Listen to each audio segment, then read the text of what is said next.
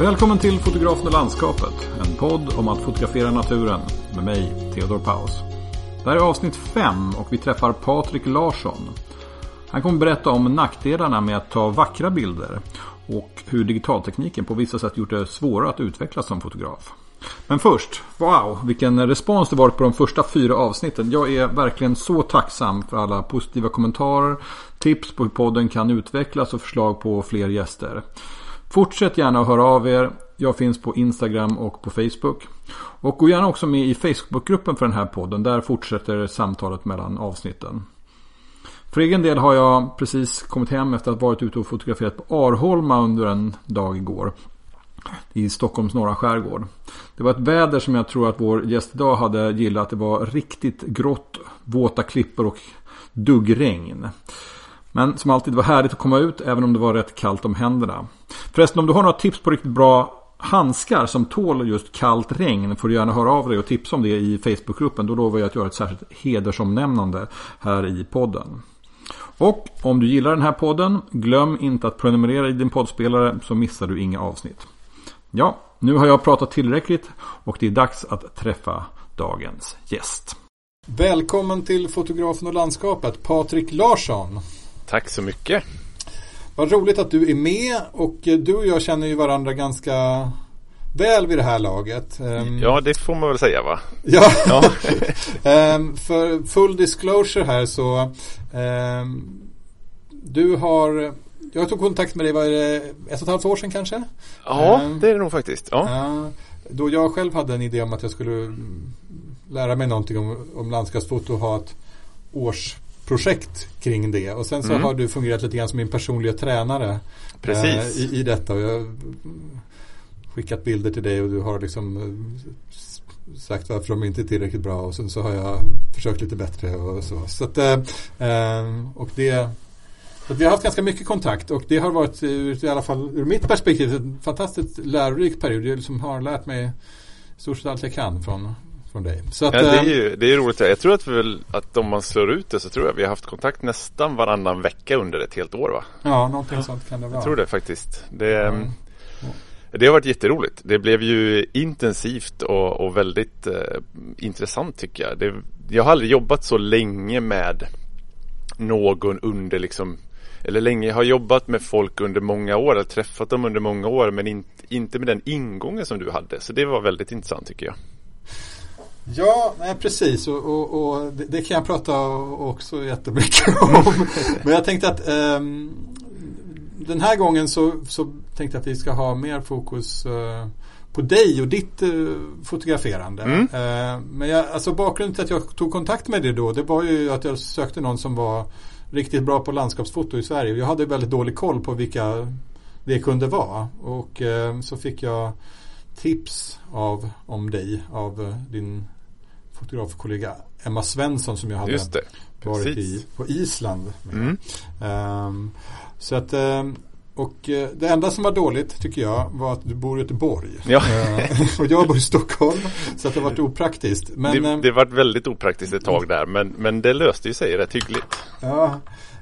Um, men du, jag tror också att det är så att det är inte även om vi har haft ganska mycket kontakt så har du också haft ganska mycket kontakt med många andra. Mm. Även inte riktigt på samma sätt. Det är. Jag att man kan, de flesta som håller på med landskapsfoto i Sverige kan inte hålla på så jättelänge innan ditt namn på något sätt passerar dem. Antingen har de tittat på dina kurser på moderskeppet eller så har mm. de gått en workshop för dig eller så har de eh, fått sina bilder printade i din printstudio. Eh, eller på något sätt så är det många. Eller har de träffat dig i Vårgårda eller Precis. vad det kan vara för det, det, är ganska många som har passerat genom mitt, eh, mitt nät höll jag på att säga vid det här laget. Det är det ju definitivt. Fångats av ditt nät? Ja, ja precis. på, på gott och ont. ja, det tror jag mest är på gott. Men, men jag tänker, kan vi inte börja lite grann så här eh, i detta, detta samtal. Att eh, kan inte du berätta lite grann ja, vem, vem är du och hur, hur, um, hur började landskapsfotot för dig? Om vi börjar med, du, du bor i Göteborg eh, ja. och du har det här som ditt jobb. Ja, det, det, har jag ju och har haft det som mitt jobb. Alltså bilder och foto har legat som mitt jobb i snart tio år tror jag. Um, och har väl alltid egentligen funnits där. Alltså, jag är uppvuxen ungefär tio mil utanför Göteborg och ehm, jag har en mamma som är väldigt naturintresserad och jag hade en pappa som byggde ett mörkrum i vår bastu. Så slå ihop de två så har du väl mig helt enkelt. Ehm, um, så, så, att eh, där började väl på något vis allting tror jag.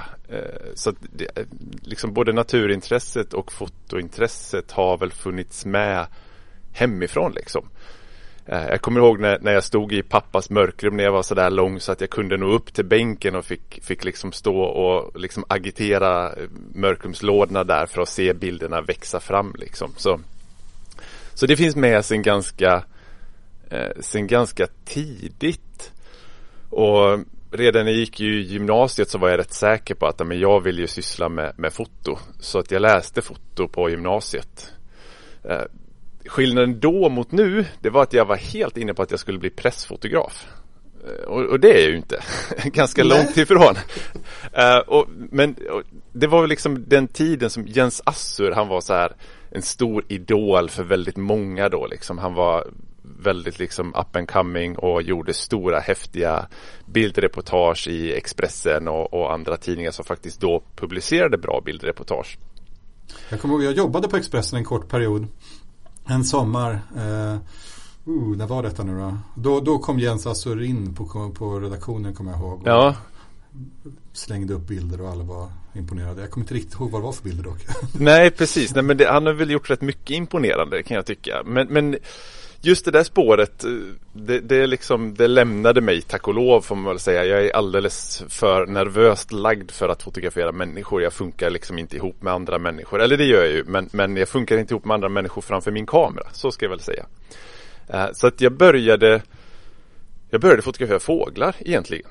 Det var så det började. För jag jag har alltid liksom tittat på fåglar och varit fågelskådare så det blev ett så naturligt sätt att börja med foto i naturen på något sätt. Och sen övergick det till att jag började fotografera mer landskap. Jag slutade fotografera fåglar och fotograferade liksom bara landskap och fastnade väldigt mycket i, i landskapsfotografin och, och började också för ungefär då faktiskt tio år sedan eller något mer kanske att tänka att men man kanske skulle hålla workshop i det här med att lära ut liksom. Ehm, och, och, det är väl där som många har liksom har passerat mig i min roll som lärare. Eh, både via moderskeppet som faktiskt är nästan på dagen tror jag tio år sedan sedan jag började jobba med moderskeppet och eh, lite mer än tio år sedan som jag började hålla workshops då. Så att det, där har ju passerat väldigt många genom, genom de åren helt enkelt. Mm. Men du hade också studerat fotografi även efter gymnasiet, eller hur? Ja, precis. Det, det gjorde jag. Ett år på Ålands folkhögskola. Så 99-2000 var jag ett år på Ålands folkhögskola och sen vart jag tillbaka i Sverige och jobbade i två och ett halvt år blev det väl ungefär och sen vart jag faktiskt tillbaka på Åland igen i två år och jobbade som fotolärare på den folkhögskolan där, där jag hade utbildats. Okay. Så att det, det var ganska, alltså väldigt tidigt så började jag egentligen intressera mig för det här med utlärandet. Jag lyckades få, få det där första året på, på folkhögskolan då jag gick som elev. Då skulle man alla göra en, en praktikperiod på en tidning och jag lyckades prata bort halva min praktikperiod på en tidning till förmån för att praktisera på en på den gymnasieskolan som fotolärare istället där jag en gång i tiden gick. Så att redan när jag var 20 då så fanns väl det intresset så hårt hos mig att, att just jobba med utlärande av något slag.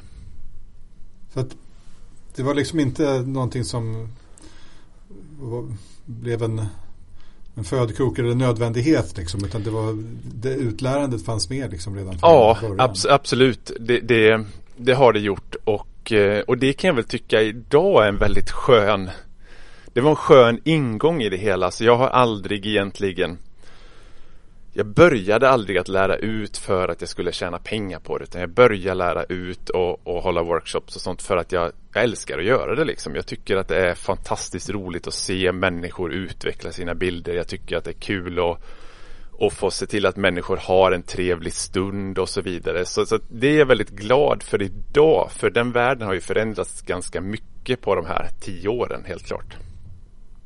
Vilken värld då tänker du? Alltså utlärningsvärlden, alltså den här workshopvärlden eller resevärlden som som jag gick in i för, för tio år sedan, den, den ser väldigt annorlunda ut idag. Det är, tycker jag i alla fall, en mycket mer pressad värld idag och fler och fler kanske på sätt och vis tvingas in i den för att det är där inkomsterna finns idag liksom. Mm. Uh, och, och, jag tvingades aldrig in i den som 20-åring utan jag gick in i den för att jag tyckte att den var väldigt intressant och väldigt rolig. Just det. Uh, och så fotograferade du själv också? Ja, mm. absolut. Uh, har, har, alltid gjort liksom. Och, och, det är väl egentligen, jag menar, det, det är ju grunden i det hela har alltid varit mitt mitt eget fotograferande liksom. Um, det är ju där jag har, har liksom lärt mig vad jag kan. Det är där jag har kunnat testa mina idéer och, och, och så vidare. Sen har jag ju aldrig varit en fotograf som har drivit igenom stora projekt eller jobbat med stora böcker eller sånt som väldigt många av mina kollegor har gjort. Utan jag har ju liksom haft fotograferandet som som, ett, som utlärandet så att säga. Mm. Det, det, har ju varit min Det har varit min grej de här tio åren liksom. Mm. Men om du tittar på de bilder som du tar själv. Mm. Ehm, eh, jag vet ju lite hur de ser ut. Eh. Så att, eh, men jag tänkte om du skulle beskriva hur du fotar idag. Liksom. Mm. Vad är det för någonting? Vad, vad är på bilderna? Um, ja, vad är det egentligen på bilderna? Väldigt många skulle nog säga att men det är massa träd och grenar liksom.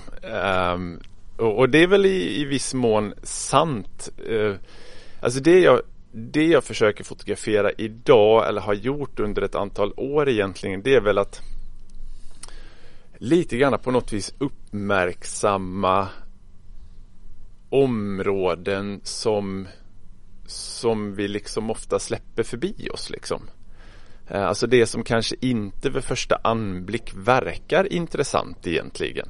Men som jag tycker med lite jobb och, och, en bra intention faktiskt kan vara väldigt intressant och kanske ge, ge mer än, än de här stora wow-effektbilderna så att säga. Så att jag, jag fotograferar ja, men ganska mycket ganska mycket gråväder, ganska liksom mjuka eh, bilder, subtila bilder eh, som eh, som jag hoppas liksom egentligen kanske väcker mer än en känsla. Så jag, jag sa här tidigare att, att jag försöker uppmärksamma områden som, som inte syns. Och, och, och det gör jag ju fast jag försöker att inte liksom namnge de områdena. Mm. Eh, jag, jag, tycker inte egentligen det är viktigt var jag har tagit bilden idag. Och, och det kanske är en skillnad också mot hur jag fotograferade för tio år sedan. Liksom.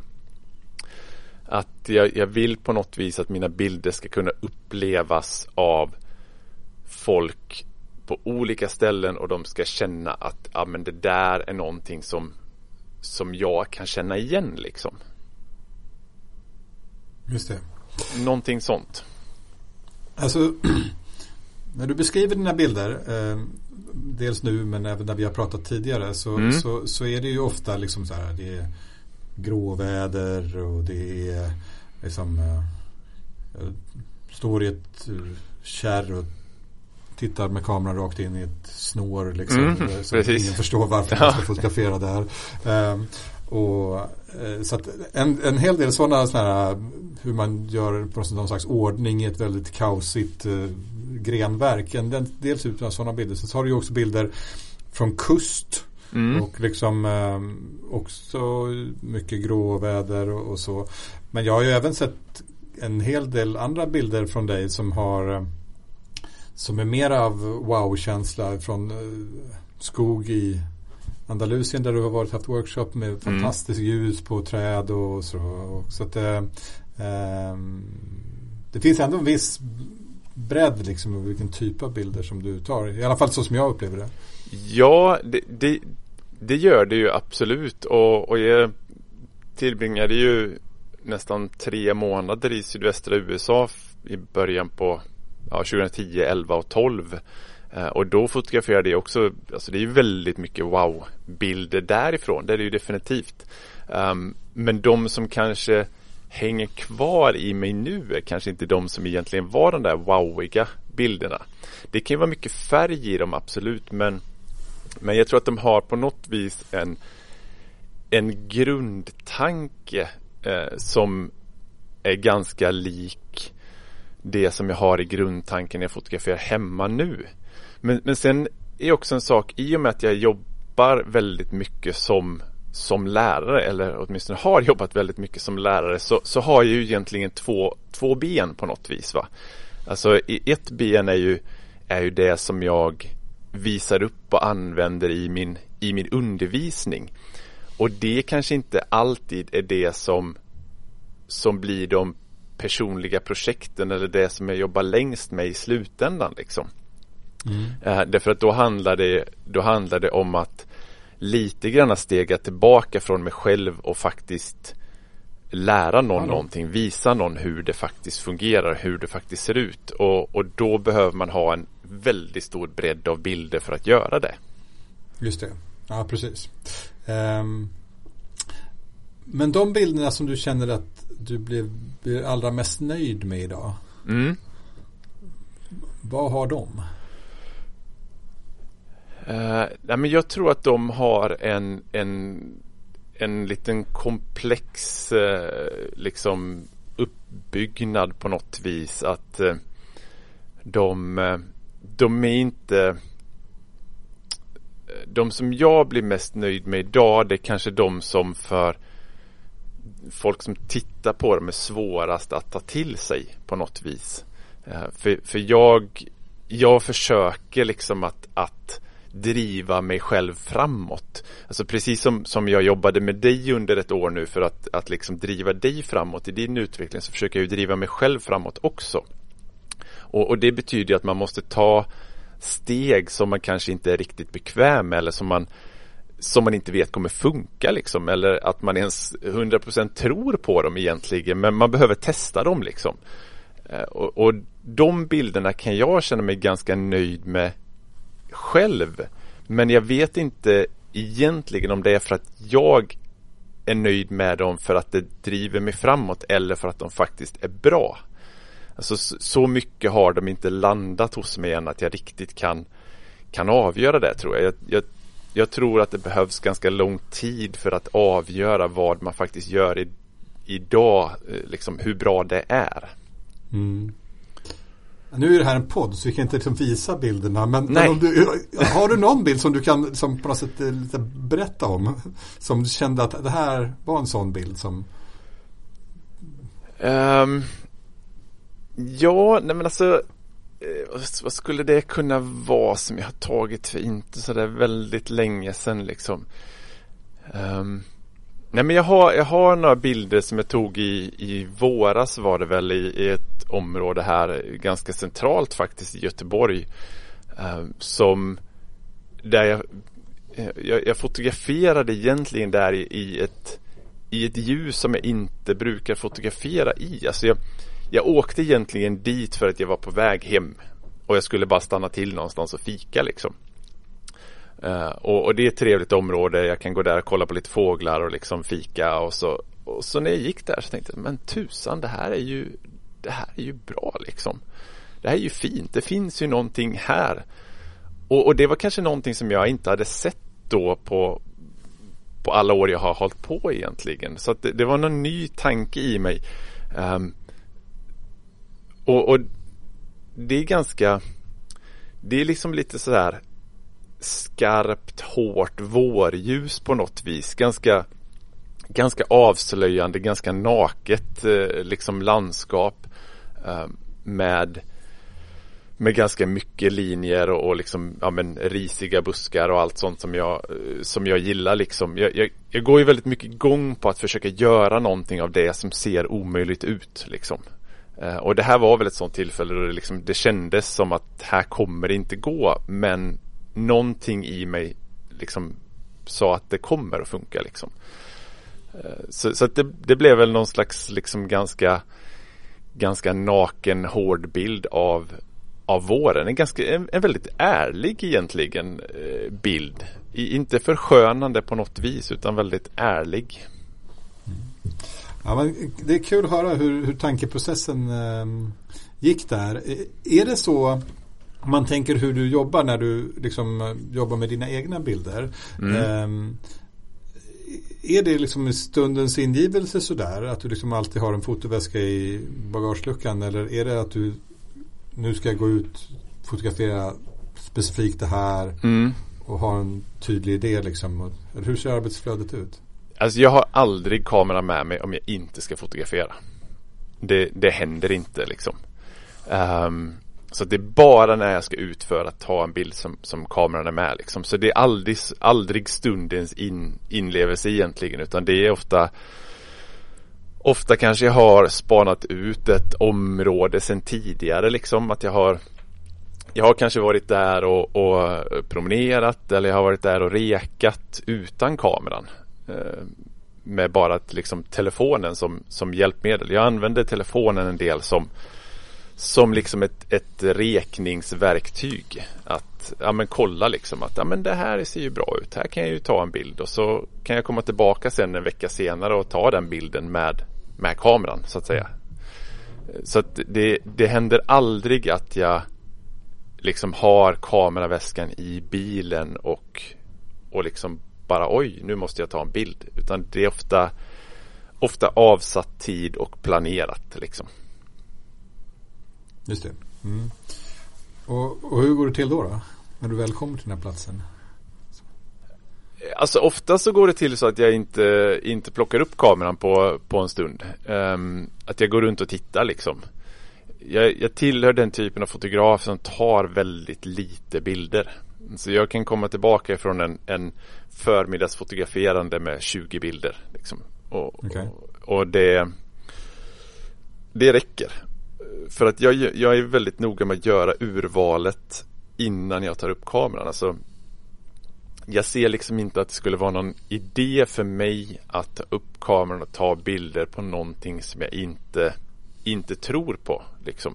Om det inte är så att jag liksom är ute för att testa någon idé som jag har. Liksom. Då, då kan det ju finnas en, en grej i att göra det. Men annars så försöker jag liksom att ja, men jag, jag tar upp kameran när jag ska ta en bild. Och sen lägger jag nog ner den igen. Liksom. Det här verkar ju vara lite grann, jag, jag känner att jag har hört den här sätt, alltså berättelsen kanske liksom lite från flera andra fotografer mm. också över hur deras utveckling har blivit över tid. Mm. Att liksom i början tar man väldigt, väldigt många bilder och liksom ja. på något sätt spray and pray. Ja. Uh, Medan det blir, sen så blir det allt färre och färre bilder som man tar vid varje tillfälle. Uh, och Eh, och det är också så att man blir kanske går från att fotografera de stora landskapen och med liksom soluppgångsljus. Liksom, och så blir det liksom en, på något sätt en personlig resa mot intimt och sen kanske mer abstrakt och, mm, och, mm. Liksom, och, och, mindre fokus på den här ja, kvälls och morgonljuset liksom, till andra typer av ljus. Liksom, mm, mm. Det verkar som det har varit en, re, en, en sån resa även för dig. Liksom. Ja, absolut. Och, och det var ju också så att när jag gjorde min så att säga läroperiod då, då gjorde jag den på diafilm. Eh, så att det, han, det gick inte att spray and pray liksom. Eh, jag hade inte råd att, att liksom ta så mycket bilder utan jag fick ta eh, lite bilder och sen fick jag skicka iväg den här rullen och så fick jag vänta på att den skulle komma tillbaka och så fick jag titta vad jag hade gjort rätt och vad jag gjorde fel och så fick jag gå ut igen. Och så fick jag hålla på så. Eh, så att redan där fanns ju liksom en, en ett urval eh, som jag var tvungen att göra för att jag visste att varje ruta kostar pengar. Så är det ju inte riktigt idag utan man, man har ju liksom en en Eh, Eh, på, på både gott och ont kanske en, en snabbare utveckling idag. Man, man, man kan lära sig de här liksom grunderna väldigt, väldigt fort egentligen. Um, och det kunde ta väldigt lång tid att göra det för 20 år sedan. Eller 25 år sedan som det nu faktiskt blir när jag, eh, när jag gjorde det. Och nackdelen med att, att liksom kunna eh, ta hur mycket bilder som helst det är ju att man måste också välja ut de som är bra.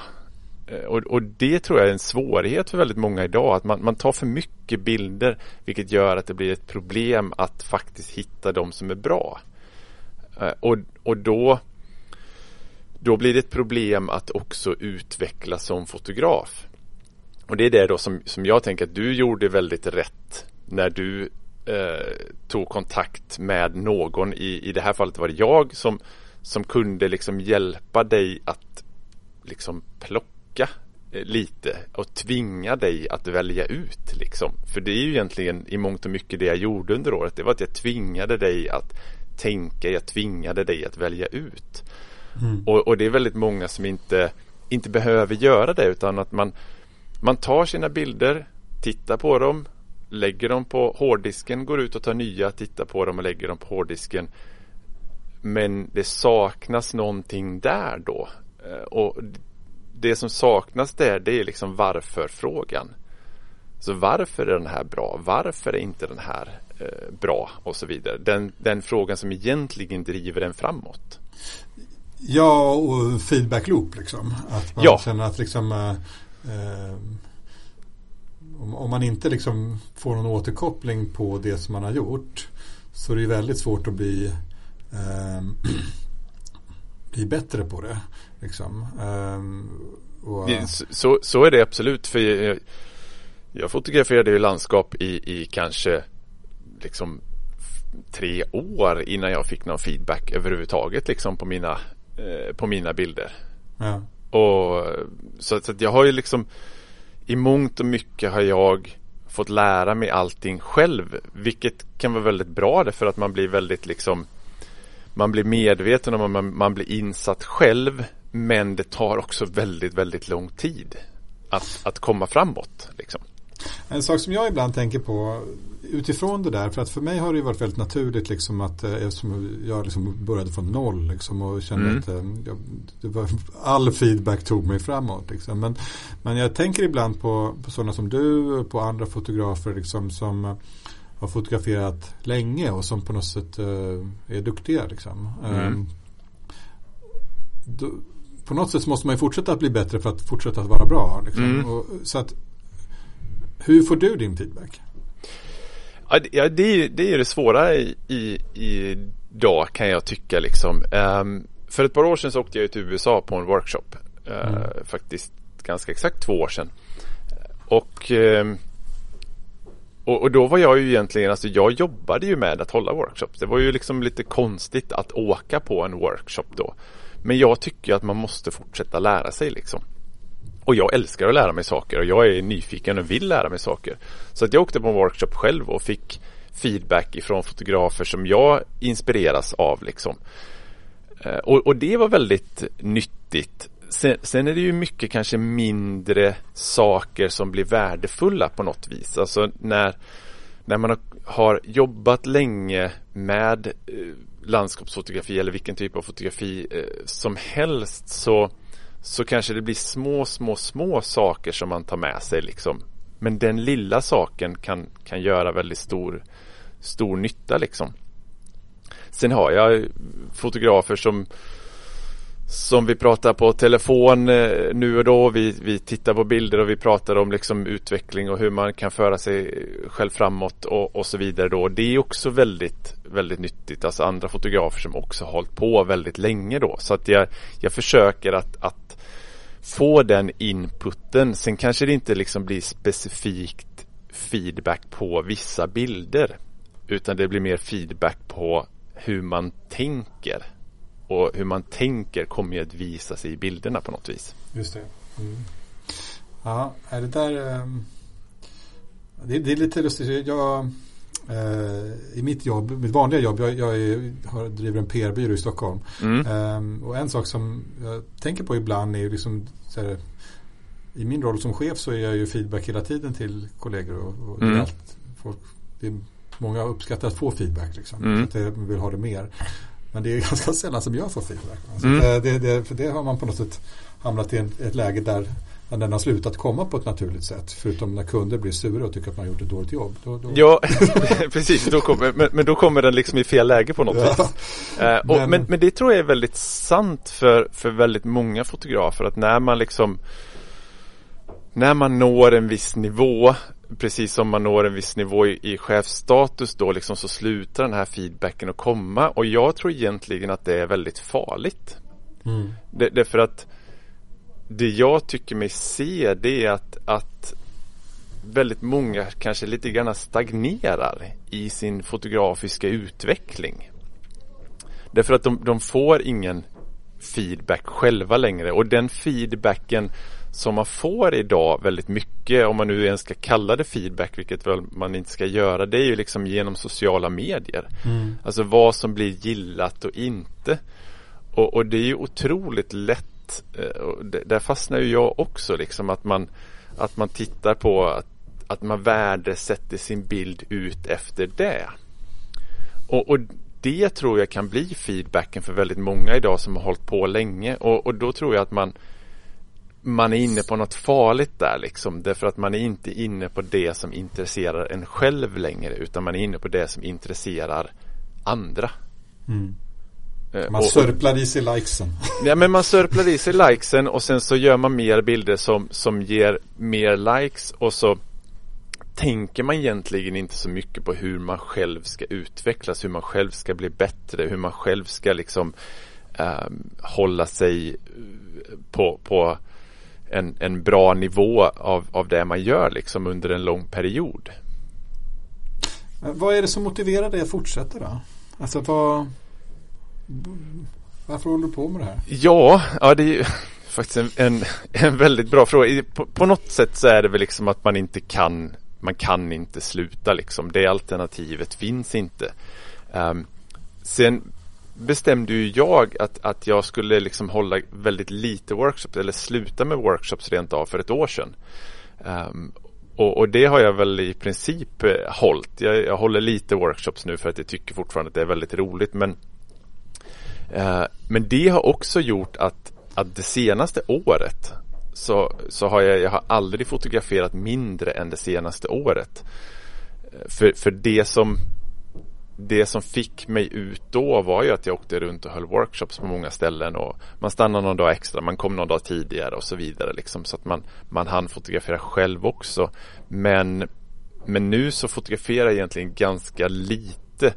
Det som det som driver mig framåt nu det är att jag, eh, jag håller på och eh, färdigställer en, en bok och jag håller på och färdigställer en utställning eh, som så att just nu är det väldigt lite fotograferande men det är väldigt mycket bildarbete på något vis. Det, det blev den här boken och utställningen. Det... Du pratade om det tidigare ja, med mig men då var precis. det liksom så här, ah, kanske. Men ja, nu är det på riktigt. Nu är det faktiskt sådär riktigt på riktigt ja. Um, så det, det, är väl liksom en, en tanke då i, i början på nästa år. Eh, så det jobbar jag med nu och sen ser jag väldigt mycket fram emot att jobba vidare på med nya projekt. Jag har ju faktiskt eh, införskaffat en storformatskamera och Du får inte spola över det där fort. Liksom. kan du säga någonting mer om det här projektet? Vad är det för bok och för? Äh, är det hemligt?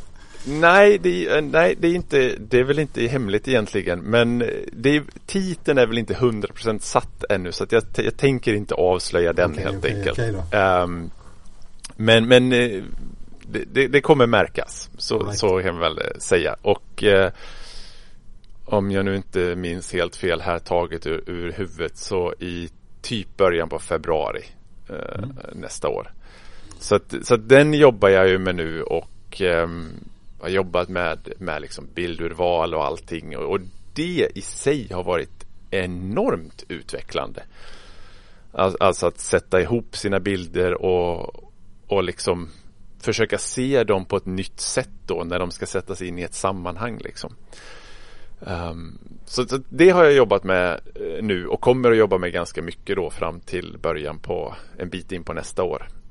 Uh, men sen så tar det väl nya grejer vid. Jag har lite nya projekttankar och jag har börjat fotografera med storformat som sagt och film istället. Eh, för att jag på något vis vill, vill utveckla mig själv. Jag vill att eh, jag vill på något vis att det ska bli svårt igen. Eh, för att fotografera med digitalkamera är ju ur, ur många hänseenden ganska enkelt. Man får ju facit på något vis när man tar bilden liksom. Men när man fotograferar med storformat och allting är upp och ner och spegelvänt och man får inte facit förrän tre veckor senare. Då, då måste man vara på tårna lite mer och det tycker jag är väldigt roligt. Okej. Okay. Ja. Eh, det är en helt annan teknik. Jag, jag, kan ingenting om det där. Men eh, det, då får man Nej, också och, betala för varje klick. Ja, precis. Alltså, någonstans så kostar varje klick mellan vad det nu kan bli 150 till 200 kronor någonstans. Så att man, man tar ju inte så väldigt många klick på en dag utan att och liksom få svårt att betala hyran höll jag på att säga. Men, men man, man, får vara lite sparsam och, och det är väl egentligen så jag har fotograferat innan också. Alltså jag har ju kanske bara tagit 20 bilder. Mm. Uh, och nu kanske jag inte ens tar 20 bilder då, utan jag tar fyra på en hel förmiddag. Liksom. Mm. Men, uh, men det är ändå åt det hållet som jag har fotograferat. Så det är inte så stor skillnad egentligen. Det, det är väl mer det att man inte får den här feedbacken på att man har gjort rätt eller fel förrän flera veckor senare. Liksom. Och, och, det är ju annorlunda. Men det gör ju också då att man faktiskt måste man måste tänka. Man måste tänka igenom alla scenarion. Man måste tänka igenom alla situationer när man står där. Man kan inte liksom förlita sig på, på teknik. Nej. Men det är ändå liksom i den tekniska biten som du vill försätta dig i en svårare situation. Man skulle kunna tänka sig att man försatte sig i en svårare situation i en annan typ av landskap eller fotografera någonting helt annat eller liksom mm. komponera på något annat sätt. och, liksom... och det, det gör jag också. Alltså jag har försatt mig i en svår situation för att jag har eh, liksom försökt välja ett projekt som kanske pushar mig utanför det som jag är, är bekväm med egentligen. Liksom. Eh, så att jag, jag gör det på två sätt egentligen. Liksom. Okay. Mm. Ja, du behöver inte berätta om du inte vill, men är det något annat, vad, vad, är det som du ska fotografera med din storformatskamera? Nej, men jag ska, jag ska egentligen fortsätta, eh, höll jag på att säga, att, att utforska områden som vi inte ser. Så kan man väl säga. Okej, okay. ja. Mm. ja. Spännande. Jag, jag, jag slås ofta av att eh, bilder som jag själv tar ibland kan Ibland kan de finnas på jättekonstiga ställen. Liksom. Mm. Ehm, jag, jag har just kommit hem från en, en, en fotoresa i Skottland. Mm. Uh, och där skulle vi vara ute och fotografera på en ett högt berg och ha en utsikt och det var fantastiskt ljus skulle det vara tänkt. Men när vi åkte upp dit så var det ju lättade aldrig molnen så det var ju bara helt mjölkigt och ingen utsikt att ha. Så att vi, vi gick och, och då hade vi lite tid över innan vi skulle äta frukost på ett ställe. Så då tänkte jag, ja, men vi åker in här i det här lilla skogsområdet och bara ser vad vi hittar. Eh, och där tog jag vad jag själv tyckte var kanske den bästa bilden på hela den resan. Och mm. den, I ett område som jag tyckte inte, det var ju lite småspännande sådär men inte egentligen. Och det, det, men där var det några träd liksom som var i ett speciellt ljus och det föll väldigt väl ut liksom. Eh, um, tyckte jag själv. så att och, och så där kan det ju vara andra gånger också. Liksom, att man har någon slags idé om vad det ska vara. Och sen så ja, misslyckas det och så, så hittar man någonting helt annat. Ja, precis. Och, och alltså, just det där pratar jag ganska ofta om. För, för jag tycker att det handlar om en anpassning. Alltså, väldigt många åker ut med en intention att göra någonting. Liksom. Man åker ut med intentionen att fånga den här fantastiska soluppgången eller solnedgången eller vad det nu kan vara. Liksom. Eh, problemet är att det händer väldigt sällan att det faktiskt blir så. Och då måste man anpassa sig till hur det faktiskt är och göra det bästa av den saken. Så, så, och det är ju precis vad du gjorde där egentligen. Du, du såg att, ja, men okej, det här kommer inte funka.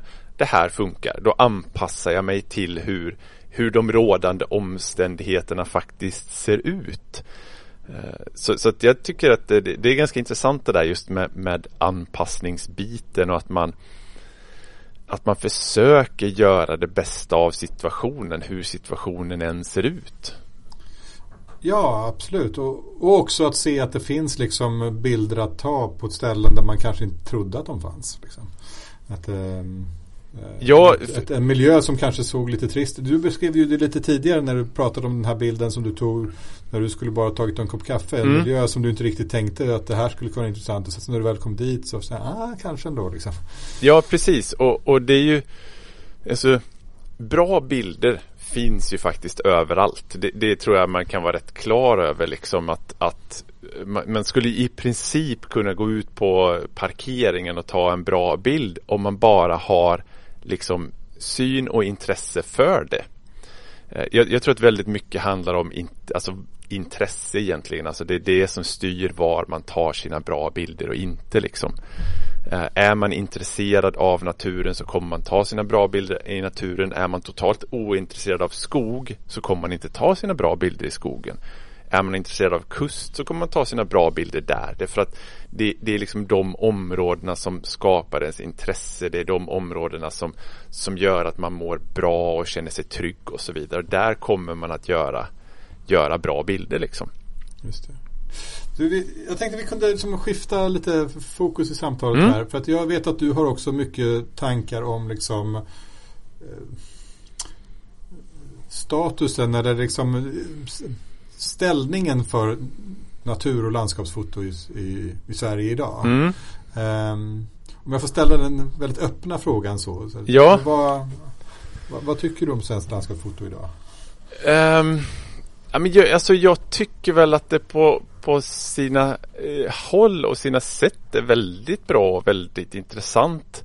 Men det finns väldigt mycket som är eh, som är ganska liksom vanligt och, och det är bra liksom. Och, och, jag ligger ju själv i det där liksom eh, fatet också. Eh, jag tycker kanske inte att jag själv är den som den som för landskapsfotografin framåt egentligen. Men, och, och det är väldigt svårt att göra det. Um, men en, en tanke som, som har, har liksom gnagt i mig ganska mycket det är att, att vi vi väldigt ofta utgår ifrån vackert. Alltså att, att det ska bli snyggt, det ska bli, det ska bli vackert liksom. Alltså vad vi än fotograferar utgår ifrån att det ska bli vackert. Och tittar man på många andra typer av, av fotografi som inte är naturfotografi som, som kanske är är fotografi som, som berör oss mer, mer känslomässigt så, så kanske inte den jobbar lika mycket utifrån den här vackert-känslan. Eh, vackert är på något vis en, en ganska tunn eh, känsla. Den, den, den, är väldigt lätt. Den berör oss inte så, så hårt. Um, men det är också väldigt svårt att, att, att komma ifrån vackert om man nu vill komma ifrån det. Det, det, det ska jag liksom vara, vara klar över här direkt att det finns ju som inga rätt och fel i det här liksom. Utan det här är ju liksom mina mina eh, högst personliga tankar liksom. Um, men, men jag, jag, jag, tror att, att eh, när jag ser bilder som berör mig så är det inte för att de är vackra.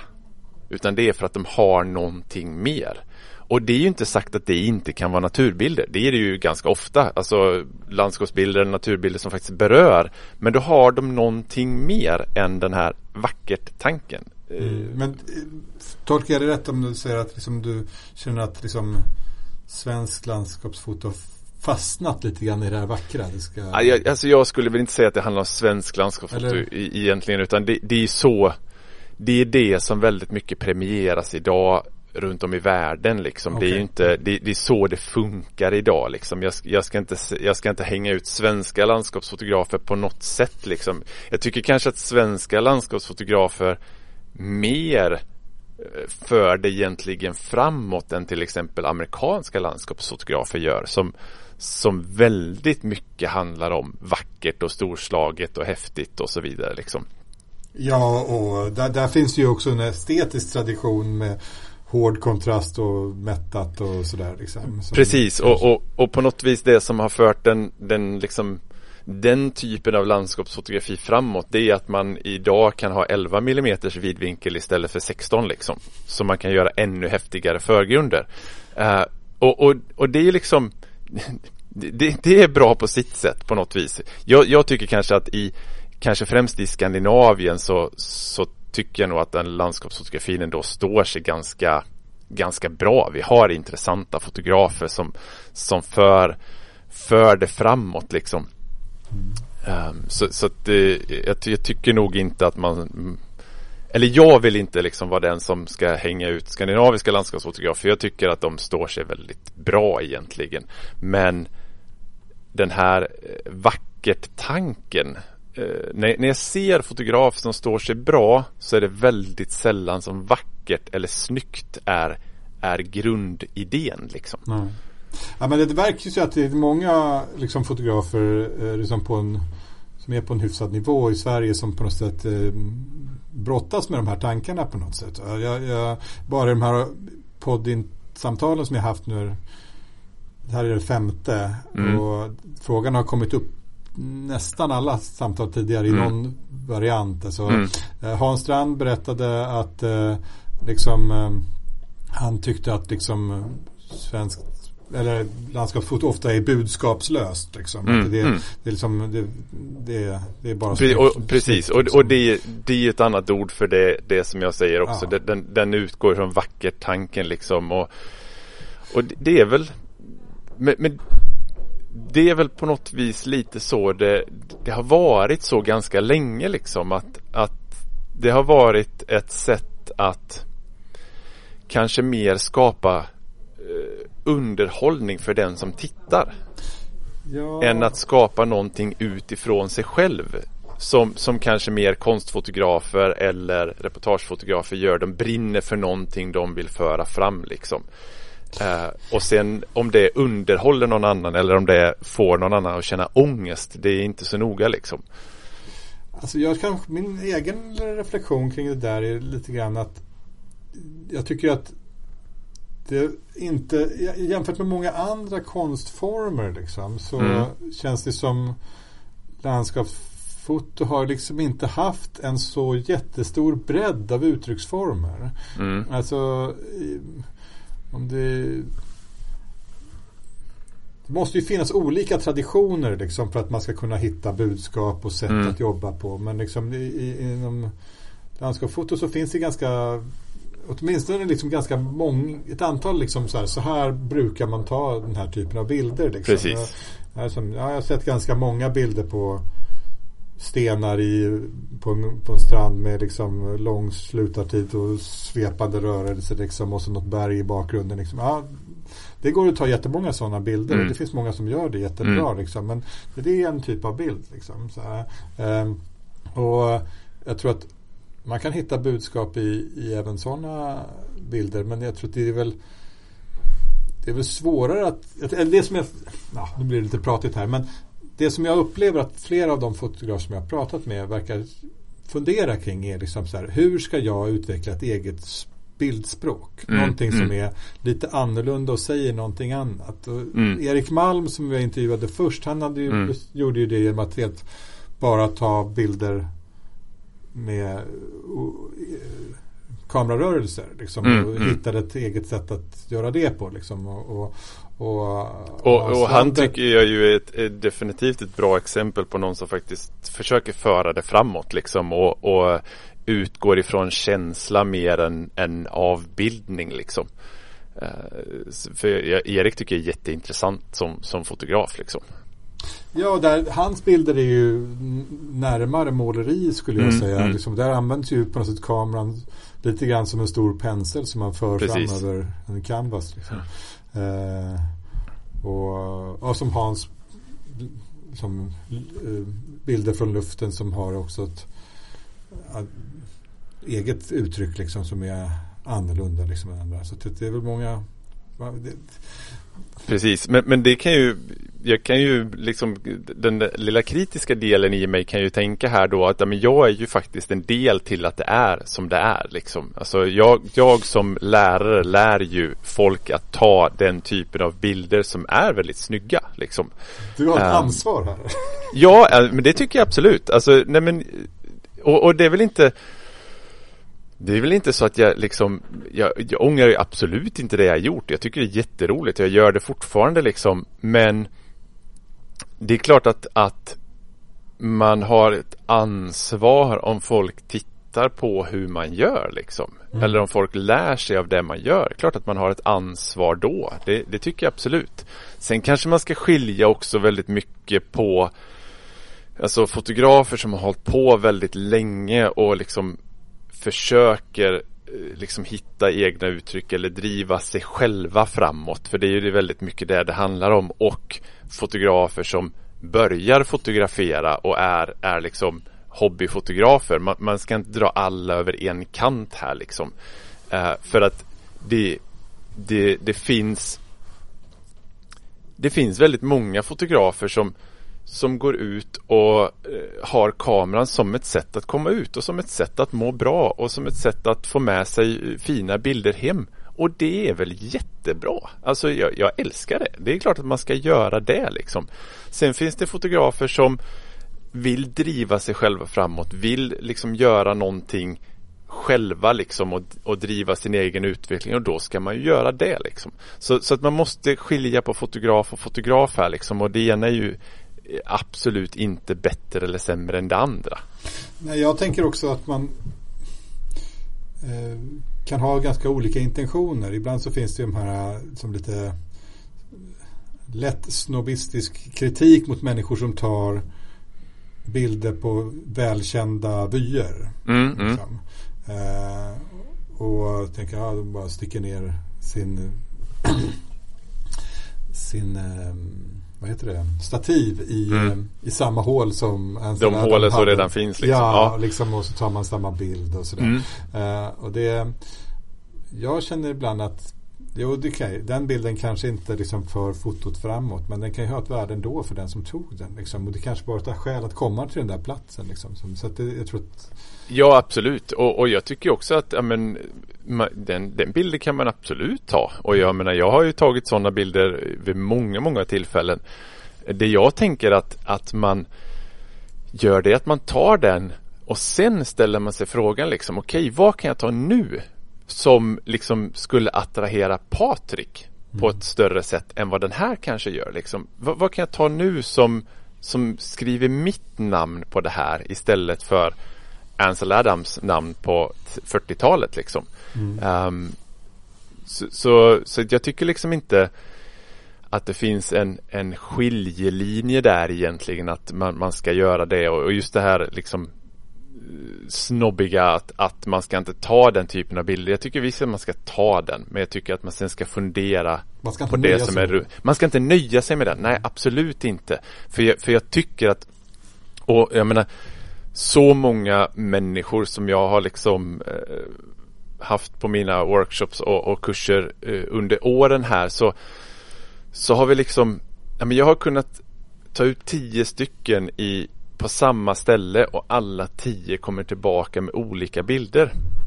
Och då tänker jag liksom att, att det, det där att ta en bild och nöja sig med den det är ju inte riktigt sanning liksom. Därför att alla ser ju allting på olika sätt. Och, och jag tänker att utveck alltså, personlig utveckling inom fotografi det kan låta väldigt pretto. Det kan låta som att man måste ha, ha ont och jobba hårt och så vidare. Ja, men man måste bara titta på vad som intresserar en. Man måste vara ärlig och titta på, okej, okay, intresserar det här mig? Ja, då ska jag ta en bild av det, då ska jag göra någonting av det. Och det är antagligen samma sak som inte kommer intressera alla andra. Vilket då gör att man kan släppa tio personer och ta tillbaka tio personer och få tio olika bilder. Mm. Så, så den, som, den som säger att nej, men det är ingen idé att åka till Söderåsen till exempel för att det är, det är så många som har fotograferat där redan.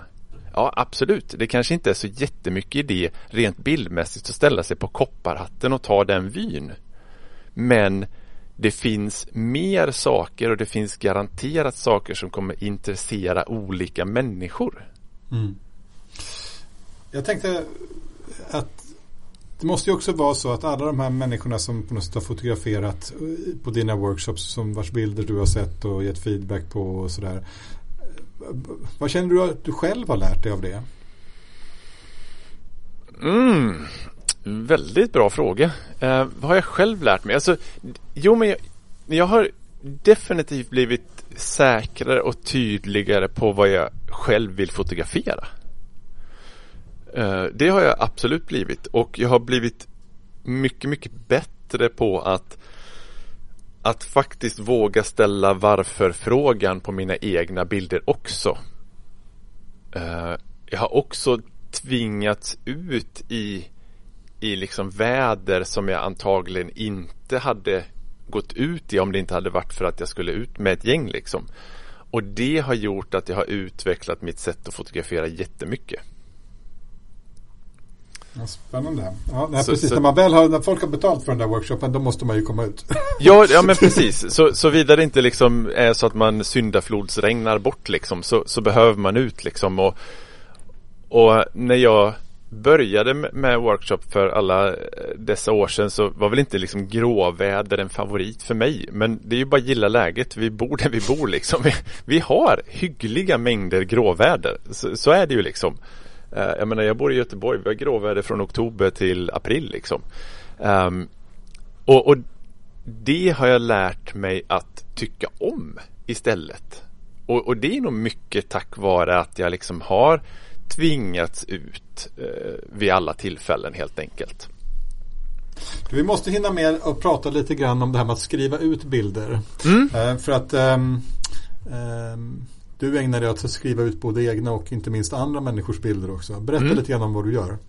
Ja, jag, jag har ju en, en printstudio så att jag, jag skriver ju väldigt mycket ut andras bilder nu. Gör utställningar eller portfolios eller vad det kan vara folk, eh, andra fotografer behöver eller bara en bild som de ska hänga hemma på väggen för att de tycker att den är snygg så, så skriver jag ut dem. Ehm, det, det är ju mycket av det som som jag lägger min tid på idag egentligen. Det är ganska fantastiskt att se när en bild liksom sakta kommer ut på papper. Ja, alltså en, en bild på papper är på riktigt liksom. Det, det, det kan man inte komma ifrån. Alltså vi, vi, vi konsumerar ju bilder i en, i en hygglig hastighet idag liksom och, och jag tycker också att det, det handlar väldigt mycket om, om konsumtion. Jag, jag brukar liksom försöka tänka att okej, okay, bilder på en, en skärm, det handlar om att jag konsumerar dem. Bilder på ett papper, det handlar om att jag faktiskt upplever dem. Eh, och, och, jag tycker att det, det ofta är så helt enkelt att jag får en, jag får en större upplevelse av att se bilden på, på papper liksom. Eh, det, det, blir mycket mer på, på riktigt. Och sen om man ser till till sig själv som, som fotograf eller om jag ser till mig som fotograf framförallt så så har jag hållit på att printa bilder i, i snart 20 år och det finns ingenting, alltså ingen annan enskild del som jag kan peka på som har gjort mig bättre än att printa bilder. Alltså när man printar en bild så ser man verkligen bilder på ett annat sätt. Man ser vad man har gjort rätt, man ser vad man har gjort fel, man får en större upplevelse av den. Eh, så att det är liksom det som, som har fört mig framåt i, i den liksom största utsträckningen de här åren skulle jag säga. Just det.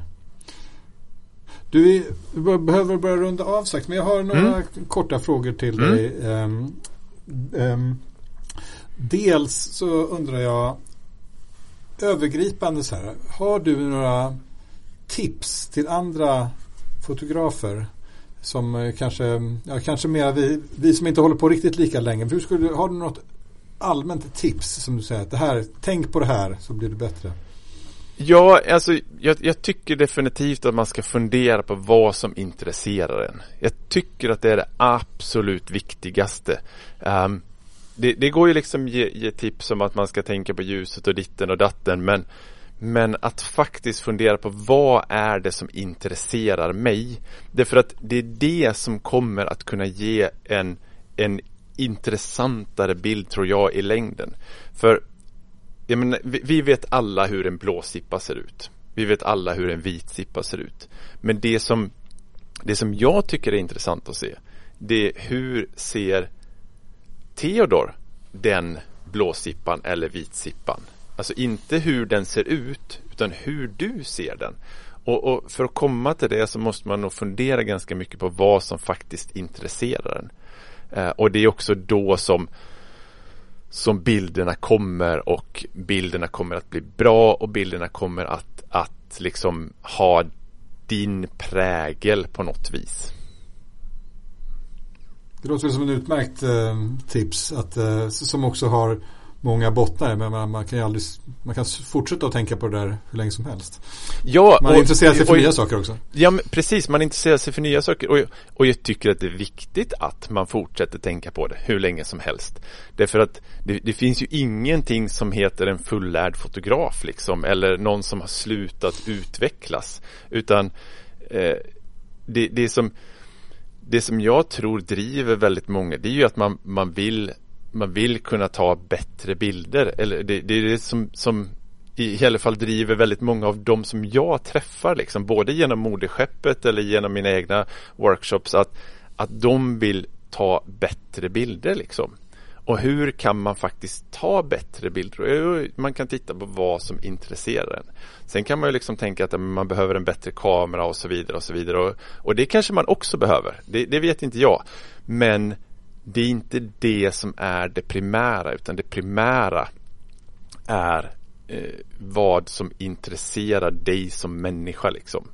Eh, och, och, att alltid fundera över det. Det, det tror jag är en, en väldigt viktig del. Utmärkt, tack. Då har jag bara en sista fråga. Mm. Och det är eh, vilka andra fotografer tror du skulle kunna vara spännande att ha på den här, eh, i den här podden framöver? Um, ja, vilka andra? Alltså jag har ju Det kan vara både um, liksom um, mera heltidsfotografer eller, um, eller uh, mm. amatörer som har, är liksom ambitiösa och har någonting spännande att säga.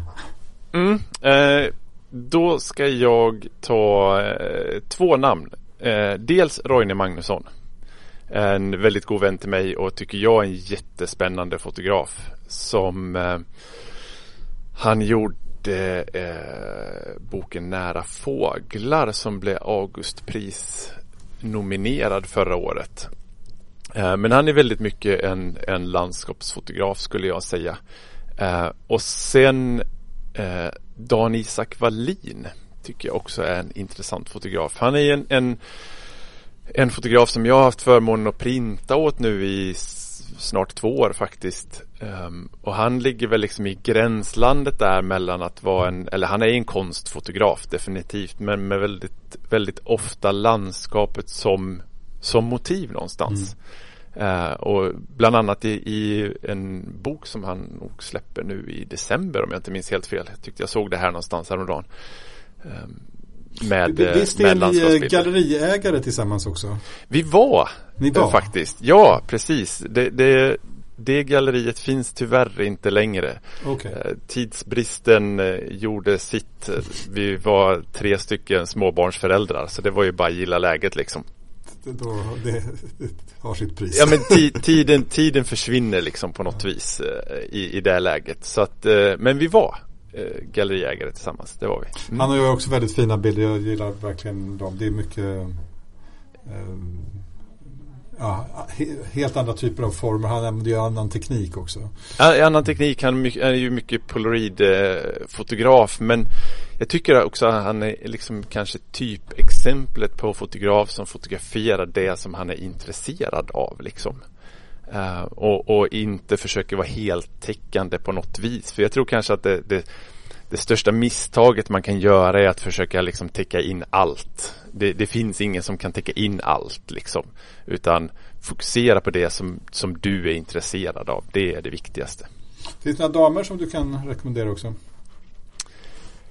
Helene Schmidt tycker jag ju är, är en fantastiskt duktig fotograf. Uh, hon har en utställning nu på Liljevall som jag inte minns helt fel. Um, hon har också, eller släpper snart en bok som heter Nu kommer jag inte ihåg vad den heter faktiskt. Det kan vi googla fram. Ja, det kan man googla. Men, men hon är ju jättebra alltså har en, en, eh, en spännande bakgrund och jag tycker att hon, hon gör otroligt bra projekt. Henne har inte jag så bra koll på men om nu är på Liljeberg så får man ju gå pallra sig dit och titta. Jag tror till och med att den hänger gångavstånd härifrån. Typ faktiskt ända fram till eller om det är Liljevalchs. Ja det är nog Liljevalchs. Du, du får googla fram det helt enkelt men det är någonstans i, i Stockholm där det, där det hänger. Jag tror att det hänger fram till typ februari eller något sånt där. Så det är ganska länge. Du, då tycker jag att jag får tacka för eh, din tid här. Ehm, stort tack, tack för att du var med i podden. Ja, var jätteroligt och eh, kul att få dela med sig av sina, sina tankar helt enkelt. Tack. Tack.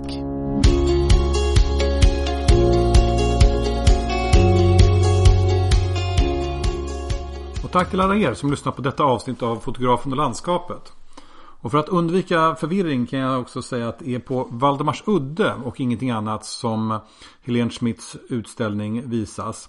Den kommer åtminstone jag försöka gå och titta på. Och tack till alla er igen som har eh, lämnat feedback på de första fyra avsnitten. Det har varit både roligt och oerhört värdefullt för mig i det fortsatta arbetet med denna podd. Låt oss fortsätta samtalet i Facebookgruppen. Och som vanligt, om ni gillar den här podden, glöm inte att klicka prenumerera i er poddspelare så missar du inget avsnitt. Med det sagt, tack för denna gång och vi hörs snart igen. Thank you.